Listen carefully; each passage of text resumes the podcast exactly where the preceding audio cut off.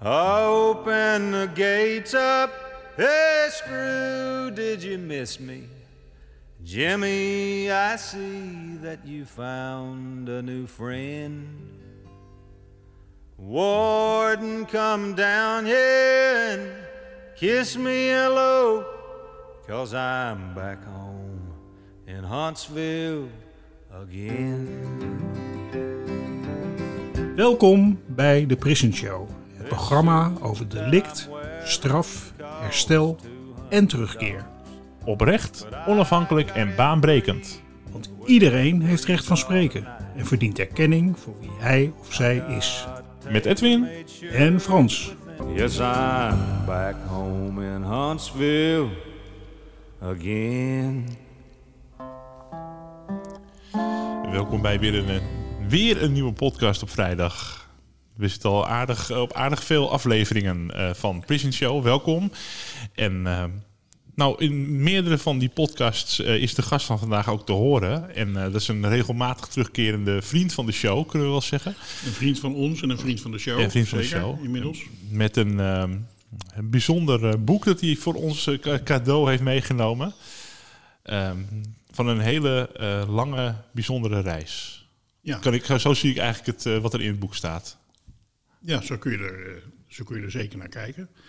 Ehm, vorig jaar november is het boek uitgekomen. Ehm, het heet Verbonden door Nadine. En het gaat over eh, ja, het, het, ehm, het, het verhaal van de Nadine Foundation. Eh, in 2006, dat weten we, is Nadine, de dochter van Jacques en Wanda Beemsterboer... en de zus van Jacqueline Beemsterboer, vermoord door haar ex-vriend.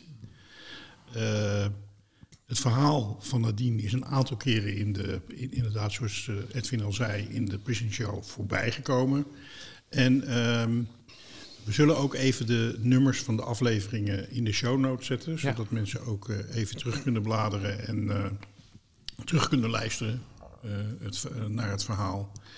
Ehm, ik zelf was bij de presentatie van het boek waar we het net over hadden, samen met mijn vrouw, ehm, Mel. En eh, ik moet zeggen, ja, de bijeenkomst was heel erg ontroerend. Eh, wat mij ze persoonlijk heel erg geraakt heeft, was eh, het dansen van de meiden die toen de tijd met Nadine in een dansgroep zaten. Die, dat waren nu een stuk oudere dames natuurlijk. En die hebben daar gedanst en dat vond ik echt eh, een kippenvelmoment, eerlijk gezegd. Ehm, maar toen ik vervolgens het boek na afloop kreeg uitgereikt. eh, en eh, het onderweg al in de bus en in de trein ben gaan doorbladeren. Toen, eh, ja, toen dacht ik van jeetje mina, wat ontzettend mooi is dit geworden. Ik zei, ik heb tegen Jacques net gezegd van... ehm, ik heb eigenlijk zelden of nooit zo'n mooi boek onder ogen gehad. Ook qua, qua interviews, qua vormgeving. Het is echt een juweel van het boek. En eigenlijk zou iedereen dit boek moeten kopen, want het is echt heel erg de moeite waard. Prachtige foto's, prachtige verhalen. Over allerlei soorten mensen. En ehm, ja, vandaag zit Jacques dus bij ons aan tafel in de bouwplaats in eh Westzaan. En ehm, ik zou vandaag eigenlijk met Jacques gewoon eens willen praten over met name al die mensen die betrokken zijn geweest. eh, en die allemaal op hun eigen manier een bijdrage hebben geleverd. En, en, en eh, hun beweegredenen en eh, de waarden die ze hebben toegevoegd. En natuurlijk ook even ja, in het zonnetje zetten Leo en Isabel die dit fantastische boek eh, in elkaar gezet hebben en, en vorm hebben gegeven en de interviews hebben gedaan. Want dat is werkelijk eh, ongelooflijk, vind ik eerlijk gezegd. Welkom Jacques. Ja, ik, vond het, ik vind het prachtig hoe jullie eh, zo deze introductie, want wij vinden het ook een, een prachtig boek. En wij vinden ook dat de Nadine Foundation prachtig was. Dus ja, dat kan ook eh, ja, logischerwijs resulteren in een, eh, in een mooi verslag daarvan, want dat is het feitelijk. Ja. Het is een 178 pagina's tellend eh, naslagwerk. eh, waar we drie kwart jaar eh, ons beste aan gegeven hebben om zeg maar, de input bij de mensen die het uiteindelijk gemaakt hebben neer te leggen. Ja. Dus dat was best wel even zoeken in fotobestanden, in uh, krantenknipsels. Uh, ja, een aantal in anekdotes die we niet opgeschreven hadden, maar die we al, aldoende zeg maar in ons hoofd uh, oppopten. Van ja, dat is ook gebeurd en dat is ook gebeurd. En nou ja, dan in overleg met uh, de mensen die het boek maakten. Van is dat geschikt om dat ook in het boek weer te geven? Nou ja of nee werd er dan besloten in de bijeenkomsten. En zo is uiteindelijk uh, nou ja, in november dit prachtige boekwerk verschenen. Ja. ja, heel mooi. Ik vergeet nog te zeggen de, dat de foto's zo ontzettend mooi zijn ook. Ja, dat is te danken aan Marcel Rob. Ja. Dat is de fotograaf waar Wanda, toen ze nog voor, het, uh, voor de krant werkte, 22 jaar heeft Wanda voor het Noord-Hollands Dagblad gewerkt, Ja. was het een van de fotografen die voor de krant de foto's maakte en dat nog steeds uh, doet. Het was ontzettend leuk dat Marcel langskwam bij ons, want ik sta zelf ook in het boek. Ja. Um, omdat Marcel uh, is een, een hele bekende figuur in Horen. Uh, dus, dus, hij had Nel al een aantal keren toen ze wethouder was uh, gefotografeerd. Mhm. mm -hmm. uh, dus, maar ik moet echt zeggen, Marcel, als je luistert naar deze podcast, je hebt weer fantastisch werk geleverd. Echt hele Absoluut. mooie foto's. Absoluut. Ja. Net als Isabel, die het allemaal in een, uh, in een, uh, in een, in een schitterende vormgeving heeft gegoten. Ja. Echt uitzonderlijk mooi. En uh, Leo, ja, Leo is natuurlijk gewoon ook een, een, een, een gesjochte jongen uit het Noord-Hollandse die al zoveel jaren uh, als journalist werkzaam is en op een gegeven moment ook betrokken geraakt is bij de Nadine Foundation, volgens mij ook in het bestuur. Ja, Leo is onze adviseur. adviseur dus als ja. wij met het bestuur bepaalde dingen willen, en in die afgelopen 16 jaar zijn er best wel veel uh, dingen geweest die we wilden gaan doen. Ja dan was het soms ook wel eens uh, fijn om dan van buiten, uh, zo beschouwden we Leo echt een, een neutrale kijk op de dingen. Uh, van is dat haalbaar? Kunnen we dat gaan doen? En hoe kunnen we dat ook publicitair aanvliegen natuurlijk? Want eh, Leo die werkte toen nog volop voor de krant. Ja.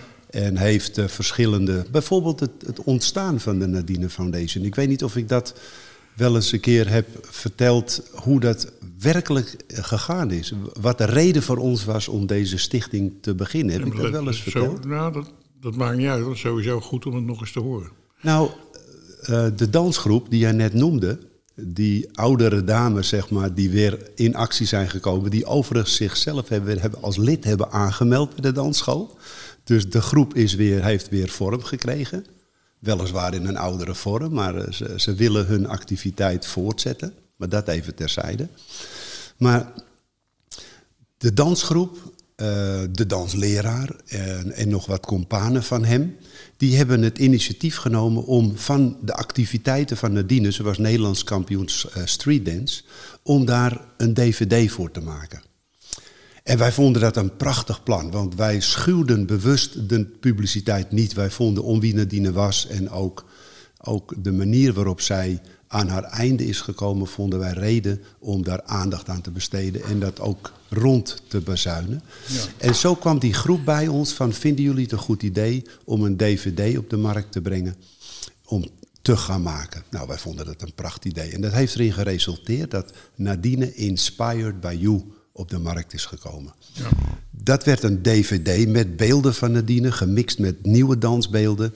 En in de Free Record Shop kwam, kwam die dvd te liggen. En die ging als warme broodjes over de toonbank. Want door de vele publiciteit en om wie Nadine was... wilde iedereen die dvd hebben. Dus er kwam een geldstroom op gang.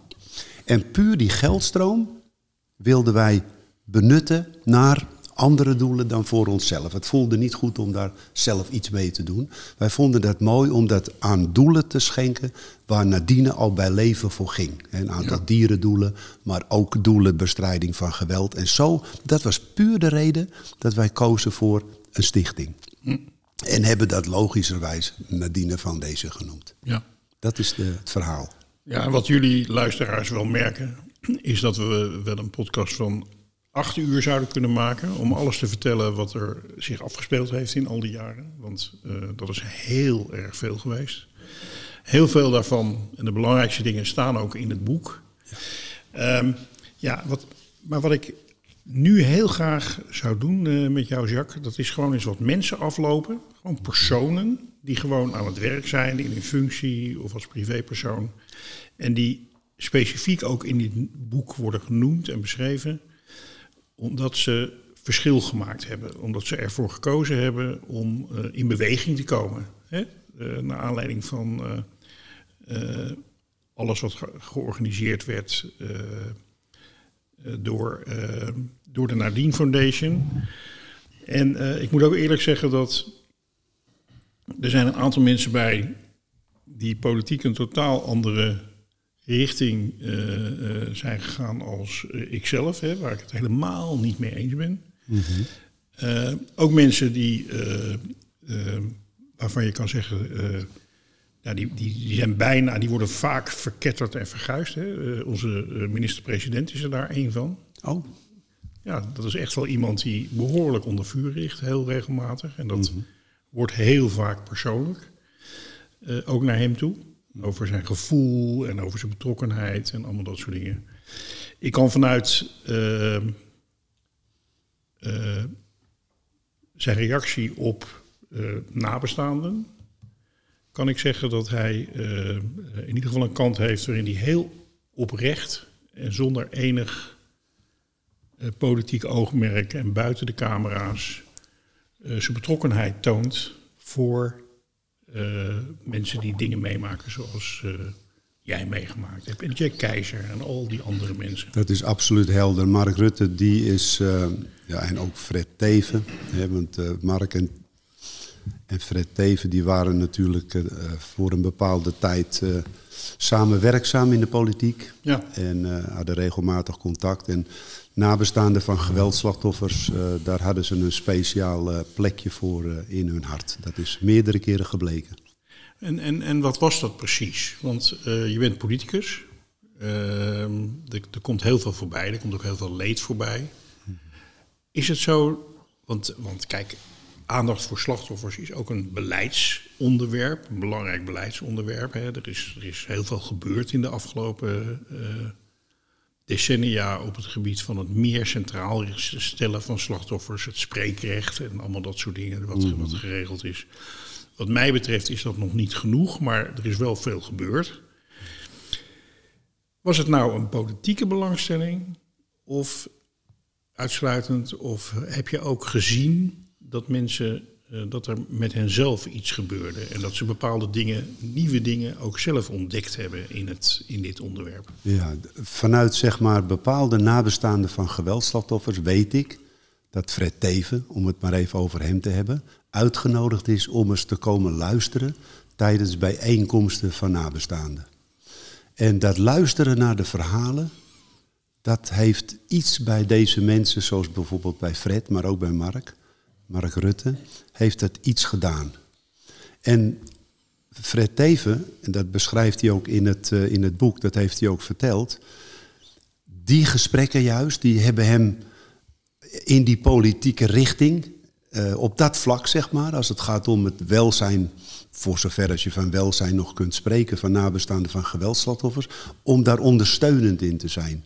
Dat is heel duidelijk voor hem een van de redenen geweest om vanuit de positie die hij had als officier van justitie, om in de politiek te gaan. Ja. Zo hebben we dat van hem begrepen. Dat hebben wij in het contact met hem nooit zo echt bewust van hem gehoord. Maar hij uh, vertelt dat nu aan Leo van Gelderen.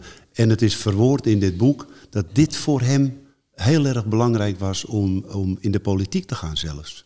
Ja, ja want uh, ik herken dat. Hè?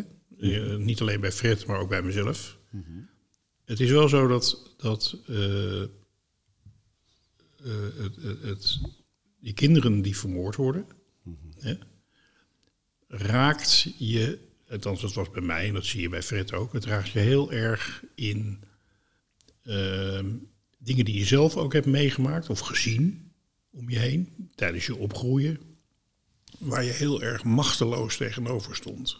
Dus geweld en uh, dingen waarvan je eigenlijk je als kind bij wijze van spreken voorneemt van nou, het gebeurt en ik kan er weinig aan doen. Maar als ik de gelegenheid zal krijgen, dan is dat wel een doel waar ik me voor zou willen inzetten. Ja. En dat de wereld wat menselijker wordt, wat humaner. Maar dat is wel de andere kant. Hè? Je, je kunt en dat, daar heb ik dan voor mezelf een beeld van gevormd. Ehm, je kunt proberen je in te zetten om geweld te voorkomen. En ik ben ervan overtuigd dat er nog heel veel meer kan gebeuren in de wereld op dat vlak.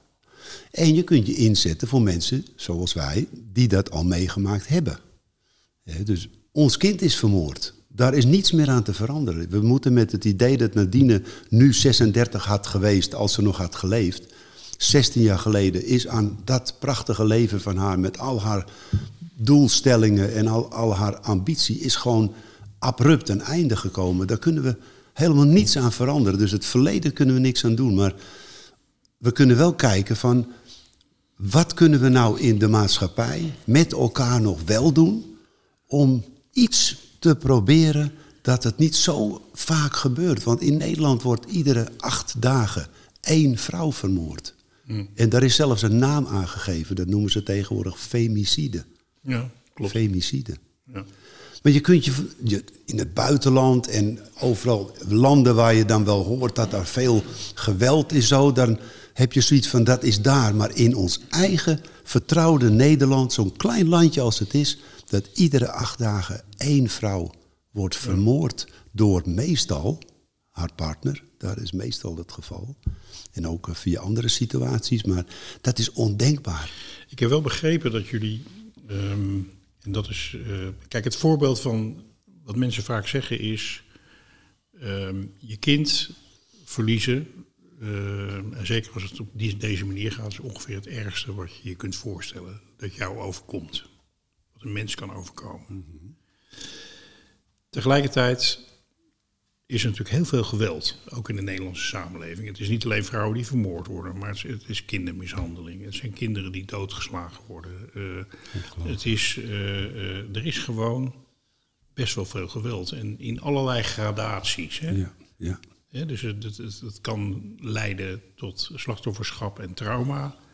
Of, en, en overlijden is eigenlijk de ultieme consequentie. Hè? Dat is eigenlijk het uiterste wat kan gebeuren. Mhm. Ik heb wel begrepen dat ook bij jullie uh, en ook bij, uh, ook bij jullie de, de doelstelling eigenlijk is dat jullie het daarvoor doen om iets aan het geweld te doen. Ook in algemene zin. Nou ja, weet je, bij mijzelf leeft het idee, want ik spreek echt namens mezelf. Want als Wanda en Jacqueline hier ook zouden zijn, zouden die misschien daar weer een iets andere, ander beeld van schetsen. Maar voor, puur voor mijzelf, ik denk, en ik ben er voor mezelf van overtuigd, dat jeugdzorg, om maar één te noemen, gezinszorg zou moeten heten. Ik ben ervan overtuigd dat als je kijkt wat er in gezinnen gedaan kan worden en welke hulp nodig is om uiteindelijk de nazaten van dat gezin, dus de kinderen binnen dat gezin, veiliger te laten landen. Ja. want psychologen zeggen, ja, kinderen hebben ontwikkelingen, die hebben niet alles onder controle in hun geest. Dat moet eerst uitontwikkelen tot een bepaalde leeftijd. Nou, daar hebben kinderen, daar heeft de jeugd hulp bij nodig. En als die hulp er vanuit het gezin is, dan kan dat in veel gevallen leiden tot een betere landing van die persoon die opgroeiend is. Maar als dat al ontbreekt, dan wordt van de maatschappij verwacht dat, dat, dat er aan alle kanten hulp is om die kinderen alsnog goed te laten landen. Maar die, dat, dat is onmogelijk. Maar wat ik je ook eigenlijk dan hoor zeggen is van als wij in een straat wonen, in een buurt, in de samenleving, dan hebben we een zekere verantwoordelijkheid naar elkaar toe ja. om te zorgen dat kinderen, maar eigenlijk ook volwassenen, dat die de aansluiting blijven vinden. Precies. En dat, ze, dat, dat kun je niet afschuiven op een gezin of op een individu. Want het ene gezin is het andere niet. Mhm. mensen hebben vaak ook zelf dingen meegemaakt. Dus je zal daar met elkaar uh, uh, verantwoordelijkheid in moeten hebben en al naar elkaar moeten omzien. Zeg maar. Dat is het. De hulp die nodig is, kijken wat daarvoor te realiseren is. En niks is ideaal. Maar ik denk wel dat als we daarnaar kijken, van wat voor hulp kunnen we wel bieden, wat is er ook financieel, want daar hangt natuurlijk aan alles een financieel plaatje. Uh, wat is wel haalbaar in onze maatschappij? Dan is de vraag of daar wel echt goed naar gekeken wordt. Wordt daar echt goed over nagedacht, wat kunnen we nog wel doen? Ja. Dat, en, en bijvoorbeeld, ik mag ons verhaal regelmatig vertellen in gevangenissen. Dat doe ik al, al acht jaar nu. En ik dring er heel vaak op aan als ik de kans heb. Zoals kort geleden mocht ik met, eh, met meneer Weerwind een gesprek hebben, de huidige minister voor Rechtsbescherming. En dan dring ik erop aan om ons verhaal vaker te mogen delen in jeugdgevangenissen. Om te kijken wat daar voor de jongelui, hoe ze daarop reageren, de vragen die ze stellen, de hulp die ze nodig hebben in hun situatie. Dat komt in zo'n lezing, noem ik het dan maar even, maar vaak zijn het dialogen.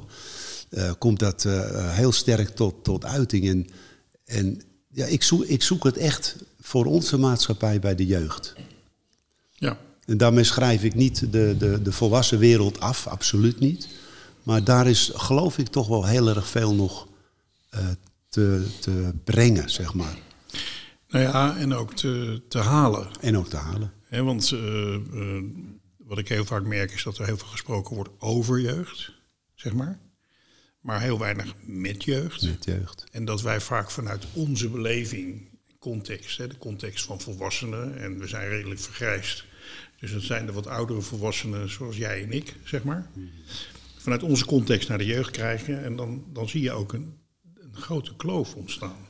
Ja. Hè, tussen, tussen wij die vergeten zijn dat, uh, dat we ook jong geweest zijn, bij wijze van spreken. En, en de uitdagingen waar de jeugd dus voor de staat. tolerantie is, is, is minder. Heel gering. Moet je kijken wat wij allemaal deden uh, toen we jong waren. Ja. Um, maar ook um, um, dat. Kijk, wat heel zorgelijk is, stond vanochtend nog in de krant, is uh, de steekpartijen en dergelijke. De Prison Show heeft daar ook een paar ja. verschillende, verschillende uh, uh, podcasts over gemaakt. Zowel ja. vanuit uh, de nabestaanden van geweldslachtoffers als vanuit de ouders van kinderen die uh, uh, anderen hebben neergestoken. Mhm. Mm -hmm. Als vanuit bijvoorbeeld het jeugdwerk. We hebben pas geleden Gerald Leslie geïnterviewd vanuit het jeugdwerk Horen. Mm -hmm. Dat is een van de podcasts. Mm -hmm. Vanwege de steekpartij die daar ook geweest ja, is. Ja. Met hele jonge kinderen eigenlijk. Ja. Um, en um, ja, het zou ontzettend. Wat, zie je hele ernstige delicten, dat is een probleem. Maar de jeugdcriminaliteit bijvoorbeeld, die is al jaren aan het dalen. Ja. En de sterkste daling van criminaliteit onder jeugdigen is die onder jeugdigen met een uh, allochtone achtergrond. Of een, uh, een, een niet-westerse achtergrond. De sterkste daling, als het gaat om de daling van de criminaliteit dat onder is, groepen, dat klinkt heel vindt fijn. plaats onder dat, zijn, dat is gewoon de werkelijkheid. Dat is zoals het is. Hm. En um, waar we ook last van hebben is van uh, allerlei beelden die ook vanuit de media en op allerlei manieren op ons afkomen over jeugd. Ja, die gewoon niet de feiten zijn. Hm, hm, He, dus, en, en, als er zo naar je gekeken wordt als jeugd. Bijvoorbeeld als jij een jeugdige bent met, uh, met een kleurtje, om het zo maar te zeggen. Ja, dan heeft dat natuurlijk ook een bepaalde invloed, een ja. bepaalde impact op die jeugdigen. Ja, dat zou absoluut kunnen, ja. Dus als we ze positiever in de media zouden afschilderen, ja. dan zou dat ook weer een positiever uitwerking kunnen hebben op hun gevoel uh, en, hoe, en gedraging. Dat denk ik. En, en uh, nou, ma mag dus ik een... onze vooroordelen en onze angsten, die doen veel. Mag ik een voorbeeld geven in de plaats waar ik nu woon? Ja. Er was een, een wethouder die vertelde dat er helaas geen geld was om een container in te richten voor jongeren. Want daar hadden ze om gevraagd dat ze hun eigen plekje hebben. Want ze worden iedere keer weggestuurd. En alle plekken in de stad worden ze weggestuurd. De politie wordt gebeld, ze worden gemaand weg te gaan. Omdat de oudere mensen daar last van hebben. Mogen wij dan een container ergens op een plekje dat men geen last van ons heeft? Nee, zegt de wethouder, daar is geen geld voor. Toen hebben wij aangeboden vanuit de Nadine Foundation om dat geld dan op te hoesten, dat die container er kon komen. Zou je zeggen, klaar, probleem opgelost.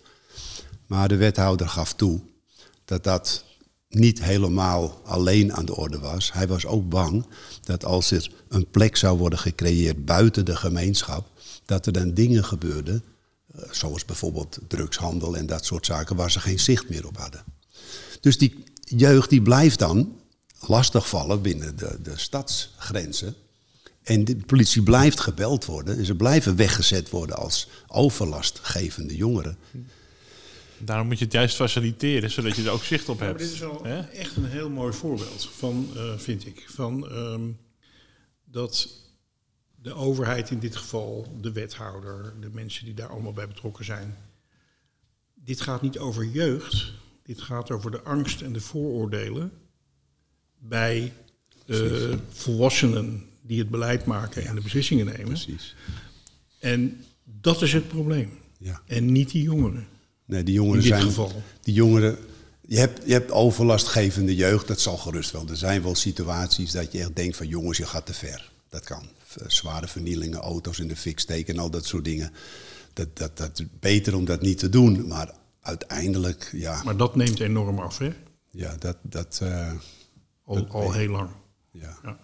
Nee, dat klopt natuurlijk. eh, eh, eh, wat, wat, wat, wat fout is, is fout. En wat goed is, is goed. Dus op het moment dat het, in brand steken van auto's, dat, dat, dat kan natuurlijk niet. Nee, dat kan je niet maken. Maar het is wel zo dat op het moment dat je jeugd die gewoon geen plek heeft, om waar ze, waar ze vrij kunnen zijn. Hè? Een soort waar, niet, waar niet voortdurend toezicht is en waar regels zijn. En waar ze gewoon ook een beetje ruimte hebben om met elkaar kunnen experimenteren met een dingen. beetje en- hun weg, eh, weg te vinden.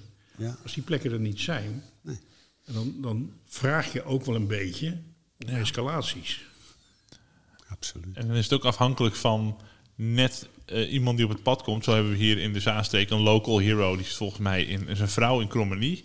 En die heeft een soort honk gecreëerd voor Ja. kinderen van een jaar of 11, 12 tot 15, 16. Echt die jongen binnen die doelgroep, een beetje de jongeren. Ehm, waarin ze samen kunnen tafelvoetballen, maar ze kunnen ook hun eigen avond organiseren, eens in de maand. Eh, dus als ze film willen kijken, kunnen ze dat organiseren. En als ze een disco willen, kunnen ze dat organiseren. En dat is ehm, iemand die net een beetje dat voorportaal of dat voorstadium, voordat ze misschien eh, te veel op straat gaan hangen en dat het kan escaleren of dat de verkeerde mensen invloed op ze kunnen hebben. En dan heb je in dat dorp het geluk dat je haar hebt. En dat zij dan 15 tot 20 eh, kinderen slash jongeren da- daar een beetje onder haar hoede neemt. Een beetje die kans geeft. Zodat ze ook kunnen zien, oh, we kunnen sa- samen dingen organiseren. Maar dan ben je zo afhankelijk van iemand die dat, die mogelijkheid heeft om het op te zetten. En dan misschien wel met steun van een gemeente. Maar iemand die dat, zo'n local hero. Maar op heel veel plekken hebben ze die niet. En dan gaan die kinderen, ja, die vervelen zich. Vaak mag je niet bij de ouders met je vrienden hangen. Dan ga je maar inderdaad op, op straat of bij de ingang van de supermarkt. Of, Ja. ja, je, je gunt, je gunt elk kind in elk dorp of elke buurtschap zo zijn eigen... Die, die vrouw, hè? Zo, zo, zo, zo'n local hero. Dan, dan- nou jij dit zo vertelt, dan denk ik toch aan Fred Teven. Fred Teven, die heeft het initiatief genomen om, bijvoorbeeld tijdens de Nadine OK Run, om veel publiciteit te genereren dat zoveel mogelijk, ook vooral jongeren, de gelegenheid kregen om, om mee te lopen. En, en ik geloof heel sterk dat als je kinderen en jeugd weet te interesseren voor gebruik maken van je. Hè, bijvoorbeeld sommigen zoeken het in voetbal, anderen die gaan liever hardlopen of schaken of dammen. Het maakt niet uit. Als je ergens goed in bent en je leert dat als jongere, van ik ben hier beter in dan de rest, dit, dit kan ik goed. Dan vallen er een aantal dingen die, die misschien op je pad zouden komen als je daar niet mee kennis maakt, vallen daar al mee weg. Ja. Want je gaat je bezighouden met datgene wat goed gaat. En waarbij je beter bent dan je vriendjes. Nou, en Fred Teven die heeft ervoor gezorgd dat het aantal deelnemers van de Nadine OK Run in 2012 van 400 naar 800 is gegaan. En dat had ook invloed op de jeugddeelname, waar ik iedere keer weer aan werkte om zoveel mogelijk kinderen aan de start te krijgen. Dat vonden we belangrijk. En dat, met zijn medewerking is dat, is dat gelukt. Ik wil ook wel naar de mensen. Ja, waar- maar. uit doe, het maar boek. doe maar. Ja, doe graag. Ja. Die- allemaal op het pad ook zijn gekomen. hè? Ja. Ja. Ja, want eh, kijk, Onno van Veldhuizen, Ja. eh, om daar maar eens mee te beginnen. Kijk, je hebt burgemeesters en burgemeesters eh, zijn het voor alle inwoners. En zeker als er wat ernstigs gebeurt. Ehm, maar ik ken Onno natuurlijk ook goed. En eh, ja, de vraag die ik dan stel, dat wil ik ook wel van die andere mensen weten. Wat voor beweging heb je bij Onno gezien hè, eh, in het contact dat je met hem- had? Wat is er met Onno gebeurd naar aanleiding van eh, Nadine? Nou ja, Onno was degene die bewust even wegbleef toen het net was gebeurd. Hij vond dat hij even moest wachten totdat de, de heftigste situatie even was geluwd, zeg maar, in ons gezin. En daarna kwam hij naar ons toe om ons eh, te condoleren en, uh, en zijn steun toe te zeggen. En de toezegging van zijn steun hebben we in een later stadium gemerkt toen wij van plan waren om een monument tegen geweld op te richten, de Vlinderrots. Toen heeft uh, um, Onno van Veldhuizen zich duidelijk als hulp in die situatie uh, laten zien.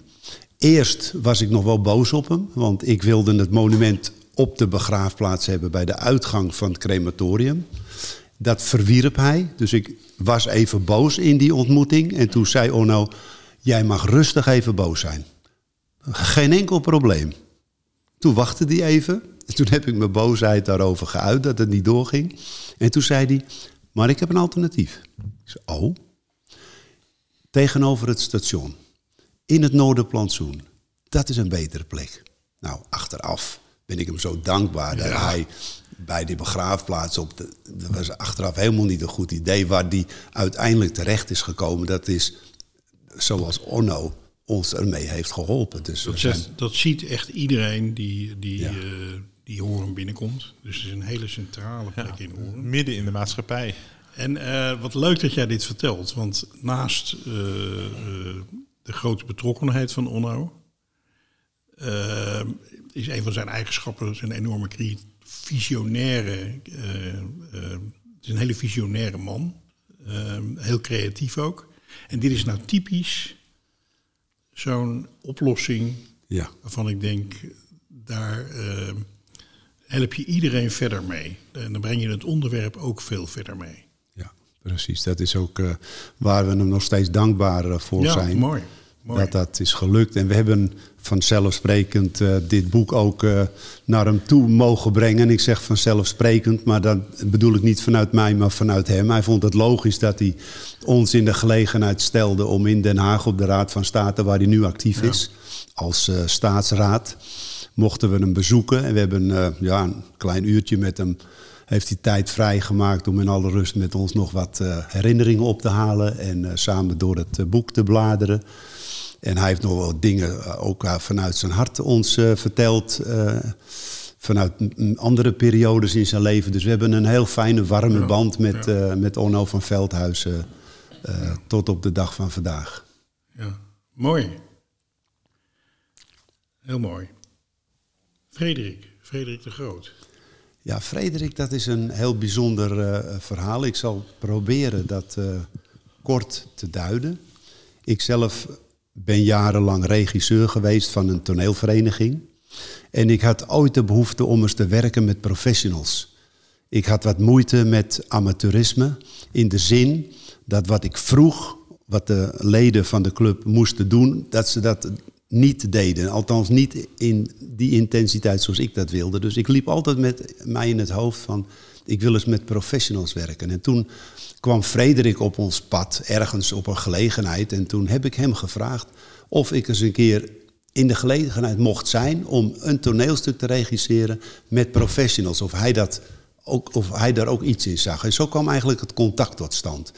Er is verder niks mee gedaan, maar we hebben wel het boek Mam, ik bel je zo terug aan hem gegeven. Dat heeft hij gelezen.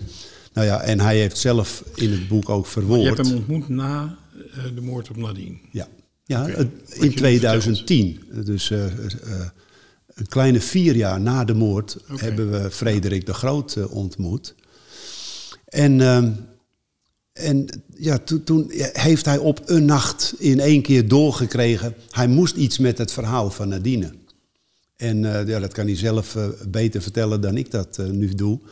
Maar hij is er iets mee gaan doen. En hij is een, is een, een toneelstuk gaan schrijven. En uiteindelijk heeft dat erin geresulteerd dat hij in drie settings, dus drie uitvoeringen in de Park Schouwburg in Horen het toneelstuk uh, voor en nadien heeft, uh, heeft ja. gemaakt. Wat gebeurde er met, met Frederik, denk je? Wat er met Frederik gebeurde is dat hij, voor zover als ik het heb begrepen wat hij mij heeft verteld, dat is dat hij in het contact met ons pratend over Nadine, dat ergens in dat werkveld, zeg maar, is onze lieve Heer op zijn pad gekomen. En op wat voor manier precies, dat kan ik niet vertellen. Dat, nogmaals, dat kan hij het beste zelf doen, want hij heeft het ervaren. Maar ik heb van hem begrepen dat, dat op dat pad, zeg maar, dat er in één keer Jezus was die hem bij de strot pakte en zei van... voortaan doe jij het niet meer alleen, maar we gaan het samen doen. En eh, geïnspireerd daardoor eh, zijn er, is dat tot veel dingen in zijn leven gekomen... Dat is nogal wat, hè? Dat, dat, eh, want ik herken wat jij zegt, want ik ken Frederik natuurlijk ook goed. Dat, eh, dat mensen dus, en misschien zijn het wel veel meer mensen als dat we weten, dat mensen dus eh, naar aanleiding van wat er met Nadine gebeurd is, eh, een, een totaal andere richting opgaan. En eigenlijk hun leven daardoor verandert. Ja? Dus dat er levens veranderen door wat er met Nadine gebeurd is en alle gevolgen daarvan. Eh, Zeker. Waaronder de Nadine Foundation. Ja, daar zijn meerdere voorbeelden van eh, te noemen, absoluut. En Ja. Frederik is er dan één van, maar ook een gedetineerde, nog niet zo lang geleden, die een muziekstuk heeft gemaakt. Ja. En ons kort geleden meldde dat eh, op bladzijde 162 van het boek staat dat Victor daardoor een, een, een, een wending in zijn leven heeft ervaren die, waar hij niet omheen kan.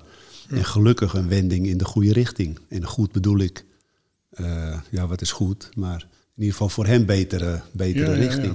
Ja. Nou ja, ik denk eh, dat het, eh, het ontmoeten, hè, eh, want jij ontmoet mensen, maar gewoon de ontmoeting, waarin je elkaar recht in de ogen kijkt en elkaar als mens, zeg maar, tegenkomt. Ehm, en zeker als het gaat om het delen van eh, zulke emotionele en heftige zaken, zoals, dat, eh, zoals de moord op Nadine, dat dat gewoon heel veel impact heeft. Ja, dat heeft het, eh, heeft het soms wel, ja. Ja. Bij een aantal. Ja, kennelijk valt er dan toch ook wel iets, een kwartje in het kader van slachtofferbewustzijn. Want dat is toch wel een, het herstel door... door Wat is dat precies, slachtofferbewustzijn? Nou ja, als een. Ik heb wel eens gehoord van een gedetineerde dat hij zich niet meer herkende in degene die hij was. Puur om reden dat hij zich realiseerde. En ook verantwoordelijkheid nam dat hij mensen heeft gedupeerd. En hij, hij gaf aan mij door, hij zei, maar dat ben ik eigenlijk helemaal niet. Nee. Ik, ik zag mezelf op een gegeven moment niet meer in die rol functioneren zoals ik dat jarenlang onnadenkend heb gedaan. Overal mijn drugs aan de man bracht en mensen dupeerde. En dan zit op een gegeven moment, dacht ik, dat ben ik eigenlijk helemaal niet. En dat was puur om één ervaring in zijn leven heeft hij die omslag kunnen maken. En heb ik het nu niet over het verhaal van Nadine, want dat was een andere situatie. Maar het was wel een, een eye-opener voor hem van, wil ik dat nog wel? En dat, dat noem ik dan, en ik, niet alleen, noem ik dan slachtofferbewustzijn. Dus dat je voor jezelf weet, oké, vanaf nu ga ik proberen geen nieuwe slachtoffers te maken. En als dat in één keer dat kwartje is gevallen en de wil is aanwezig om dat te proberen te bereiken, dat wil niet zeggen dat dan het, de richting naar het rechte pad gevonden is, maar ik denk wel dat het een belangrijke stap is. Ja. ja, wat ik je eigenlijk hoor zeggen, en, en dat lijkt mij een heel cruciaal moment, en daar begin je ook mee. Dat is het moment waarop je je realiseert als iemand die een delict gepleegd heeft, of delicten gepleegd heeft, dat je jezelf niet bent geweest. Dat je eigenlijk iemand anders bent. Dat je ziet dat je eigenlijk iemand anders bent dan de daad die je hebt gepleegd. Ja. Dat lijkt me een heel belangrijk besef bij mensen. Ik Dat denk, je, ja, ik denk dat, dat we in feite gewoon allemaal geboren zo worden geboren. Voor, niet voorbestemd om delicten te gaan plegen. Dat lijkt me niet. Maar ik ben geen psycholoog, ik weet niet hoe dat werkt, of dat wel kan. Ik weet niet of jij daar een beeld bij hebt. Maar iedereen die wordt geboren, die op deze aarde komt, die zal toch op een moment in situaties geraken waardoor ontstaat dat je dingen doet om anderen te duperen. Dat Ja. is niet ingeboren, lijkt mij. Of Nou aangeboren. ja, er is, zoals ik er een beetje tegenaan kijk, en eh, wij hebben een podcast gemaakt met Jurjen Hamer, eh, de bekende filosoof, hè, die ook dat boek geschreven Oh, heeft. die zal er vast een beeld bij hebben. Ja, eh, waarom ehm, eh, eh, eh, schurken pech hebben en helden geluk. Dat was even een, eh, een proef inderdaad, maar je hebt het goed onthouden. Zo Ja, heet het boek. een spontane actie. Ja, wat hij zegt, en dat, daar kan ik me wel in vinden. Hij zegt eigenlijk van, we hebben niet zoveel vrije wil en zoveel vrije keuze als mens. Dus wat heel belangrijk is, is met welke eigenschappen je geboren bent. Daar heb je niet voor gekozen, daar ben je gewoon mee geboren. Ja, nature. Eh, nature, ja. En de context waarin je opgroeit. En dan gaat het met name om de wisselwerking daartussen.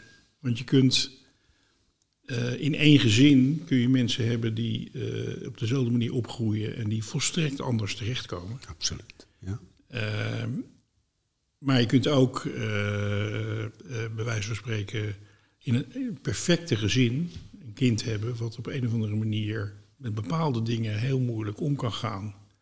En uiteindelijk misschien wel zelfs wel hele vreselijke dingen gaat doen. Absoluut. Ja. Dat, dat, dus ik denk, eh, zo denk ik er een beetje over.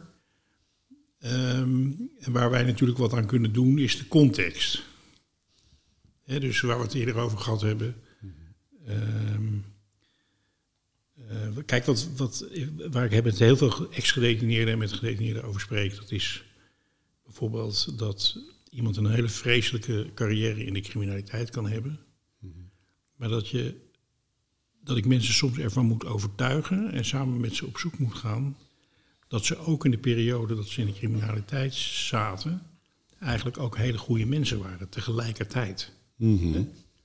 Dus dat onderscheid wat ook in het boek wordt vermeld tussen wie iemand echt is in wezen. En dan kom je op dat kind, denk ik. Dat kind huist in ons allemaal. En de dingen die hij op een gegeven moment gaat doen. Ja. ja. En je maakt niet overal keuzes. Het, eh, sommige dingen gebeuren. Eh, Ik denk dat we maar heel beperkt keuzes maken. Heel beperkt. gevoel kan je ook niet voor kiezen. Gevoel ontstaat. Alleen je kunt wel kiezen. Wie zei dat nou? Ja. Oh ja, je, ik, was een, ik kom net van een crematie in Zaanstad. En daar zei een spreker over de overledene. Dat hij ooit had gezegd: Een smoel kun je niet voor, niet voor kiezen, maar wel hoe je hem trekt. Dat vond ik wel, dat vond ik wel een hele goeie. Ja. ja. Dat vond ik wel een hele goeie. Die, heeft, die is bij mij wel even blijven hangen. Ik denk van, dus het, er ontstaat een bepaald gevoel over iets. En de een doet dit ermee en de ander doet dat ermee. Bijvoorbeeld geldgebrek kan je motiveren om harder te gaan werken. Dat, is, dat, dat doen gelukkig heel veel mensen. Die zeggen, ik ga harder werken, want ik wil meer geld. Maar er is ook een andere kant. Er zijn ook mensen die zeggen, ja, ik eh, zie toch wel mogelijkheden om dat vrij snel te realiseren. En dan weet jij wel waar ik het over heb. De criminaliteit. Dat Ja. is natuurlijk ook wel een dingetje waar je dan echt bewust voor kiest. Maar het gevoel van ik wil dat geldgebrek niet, hoe ga ik dat oplossen? Ja, wat, ik, wat ik zelf zie is dat, ehm, en zo, zo kijk ik er tegenaan, dat ook als het gaat om, eh, en dat gebeurt vaak op jonge leeftijd, mensen, mensen de criminaliteit ingaan. Ja, die, die vrije keuze zie ik maar heel beperkt. Zeker, Ja. je had het net al even over de ontwikkeling van de hersenen. Zeker als iemand jong is. Maar ook als iemand ouder is hoor. Ik bedoel, eh, eh, en, en kijkend naar mezelf, ik heb eh, zowel qua karakter als en, en talenten, als qua opgroeien, eh, dat, dat, dat ging, is allemaal goed gegaan. Dus ik ben niet in de gevangenis terechtgekomen. Ik, heb, ik verdien mijn brood. Ik, heb, eh, ik ben in staat om zinvolle relaties aan te gaan. Ehm, maar dat is niet omdat ik zo'n geweldige kerel ben. Snap je? Dat is, dat is echt, daar hoef ik ook niet trots op te zijn, vind ik. Dat is echt gewoon omdat ik nou eenmaal dat meegekregen heb. Daar heb ik ook niet vrij voor gekozen. Eh, dat, dat gebeurt gewoon. Ja, dat gebeurt gewoon, ja. En bij sommige mensen gebeurt dat gewoon niet. En dan eh, vind ik dat we daar ook mede eh, als community een verantwoordelijkheid in moeten nemen. Precies. En niet, niet tegen mensen zeggen jij bent fout of jij bent stout. En nu ben jij alleen verantwoordelijk voor iets wat, wat wij in feite ook met z'n allen gecreëerd hebben. Ik ben ook aanhanger van het herstelrecht. Ik ben niet voor straffen. Althans, voor een groot deel. Ik verwerp straffen niet. Ik vind straffen, dat kan soms ook wel nuttig zijn. Maar eh, ik geloof toch meer in pogingen, in ieder geval, om tot herstel te komen.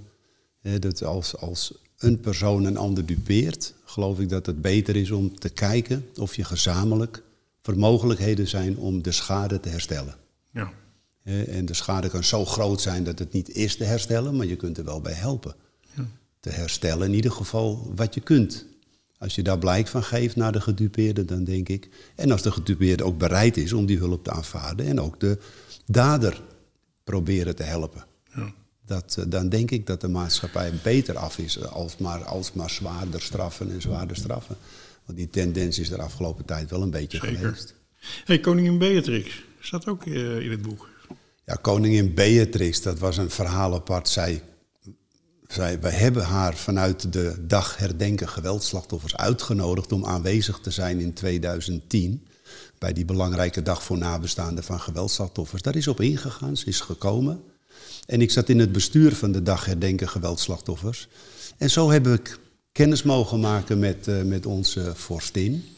En er gebeurde wel iets heel moois, want eh, de voorzitter, Jack Keizer, die zat naast haar. En ik zat daar weer naast. Maar Jack moest op een gegeven moment iets gaan zeggen. Dus die moest die stoel verlaten. En het is protocol dat er geen lege stoel naast de vorstin mag zijn. Dat is, waar, ja, dat is gewoon vast. Dus ik had afgesproken, als jij dan het openingswoordje gaat doen, schuif ik één stoel op. En zo kom ik naast de koningin te zitten. maar, dan zit je daar één keer. En ga je dan iets tegen haar zeggen? Ik zat te bedenken, ga ik iets zeggen of zit ik gewoon? Maar de koningin nam gewoon het initiatief. Ze deed met haar arm zo tegen mij, zo van... Ik hoop dat hij zijn tekst goed, heeft, eh, ge- goed heeft, eh, uit zijn hoofd heeft geleerd, zei ze, over Jack Keizer. Oh, ze, vroeg niet, ze vroeg niet, wil je een Wilhelmina pepermuntje? Nee, dat- dat, eh, maar zij brak het ijs. Oh, Echt, wat mooi. even van, nou, ik hoop dat hij zijn tekst goed kent. Ja, Zo. ja, ja, ja. Dus nou, vanaf dat moment was het ijs gebroken.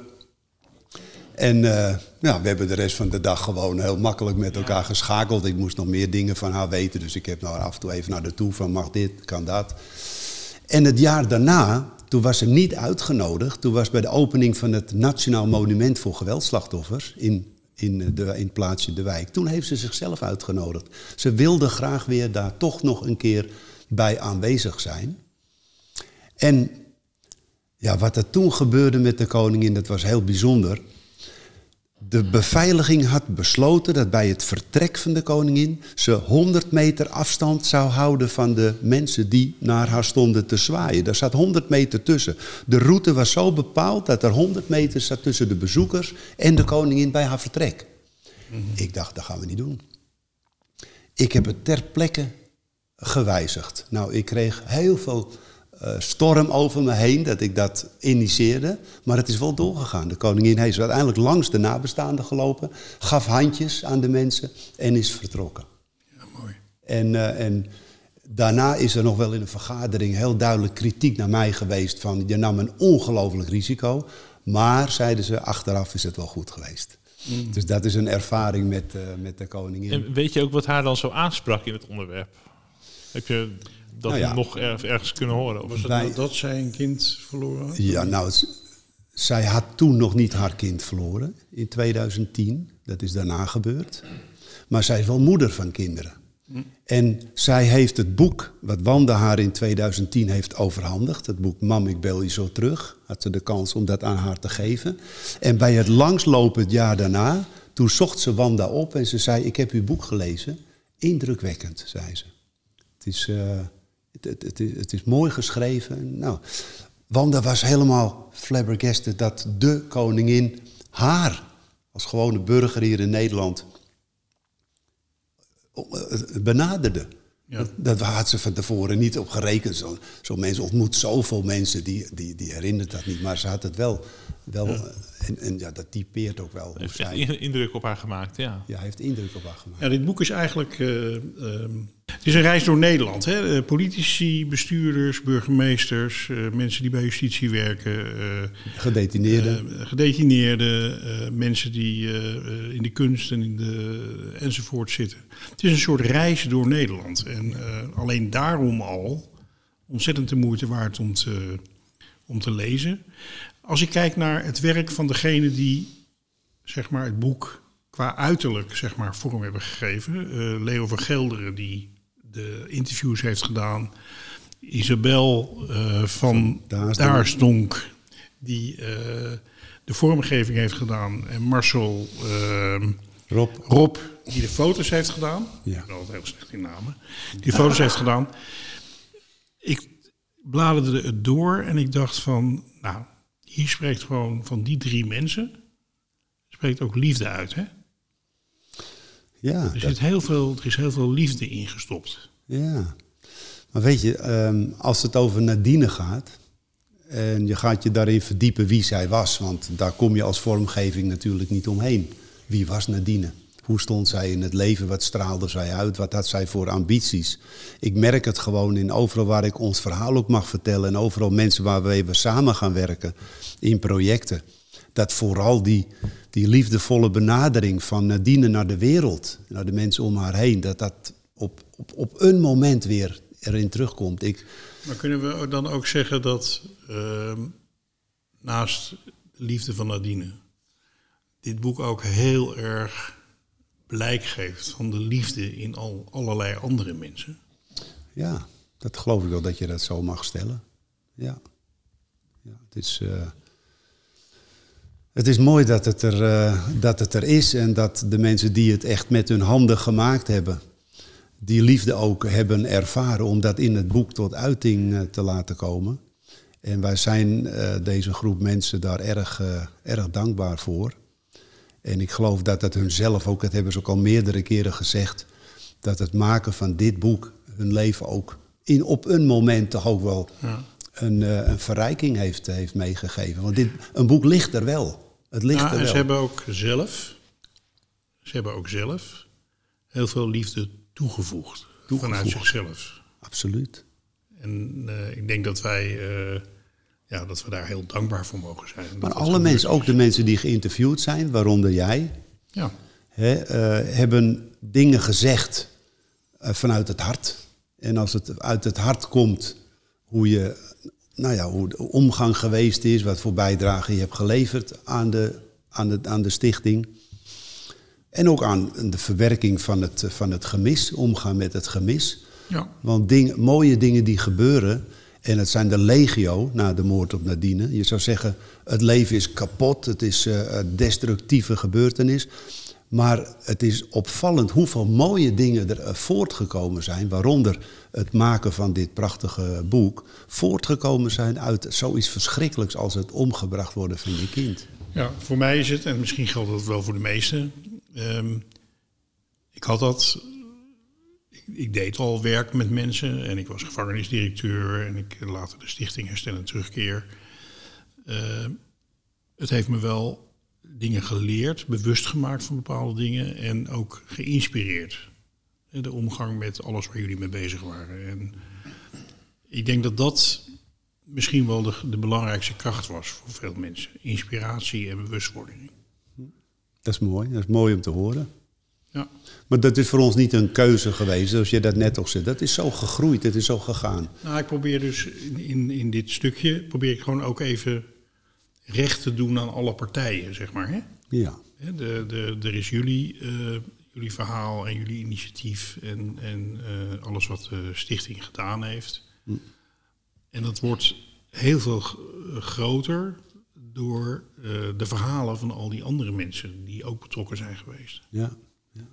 Dat kan ook gewoon een anonieme wandelaar zijn die eh, meegedaan heeft met de Nadine, Nadine Foundation. Zeker, bijvoorbeeld. En die ja. daar in zijn familie over vertelt. Ja, Of aan zijn kinderen of wat dan ook. Ja precies. Ja. Jacques, heel erg bedankt. Eh, ik kan het niet vaak genoeg zeggen. Mensen, het boek voor de, eh, voor zoals het uitgevoerd is, is die 22 euro 22 eigenlijk helemaal niets. Want ik denk dat, ik vermoed, ik heb dat niet gevraagd nog aan Jacques, maar ik vermoed dat de productiekosten eigenlijk veel groter zijn. Klopt. Ja. Uh, ik denk, als je er 50 voor zou vragen, zou ik ook zeggen van, uh, nou ja, dat is een normale prijs voor een boek met dusdanige foto's en deze uitvoering. Zoveel ambacht. Zoveel ja. ambacht dat erin is gestopt, ja. Dus uh, ja, ik kan het niet vaak genoeg zeggen. Koop het, zet het op je boekenplank, deel het met anderen. Lees de verhalen, vertel ze door. Uh, ik denk dat dat uh, mm -hmm. heel erg de moeite waard is. Mensen weten ons wel te vinden als ze het boek willen hebben en ze willen het bestellen.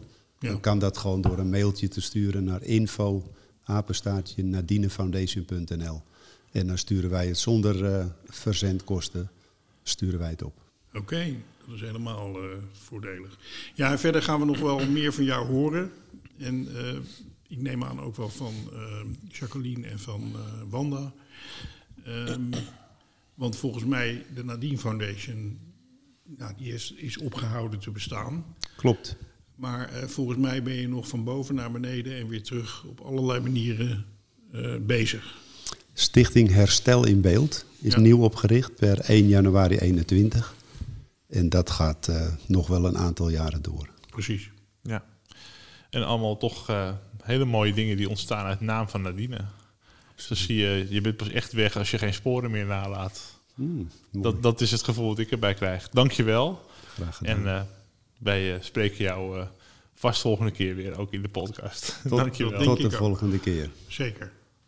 Yes, I'm back home in Huntsville again.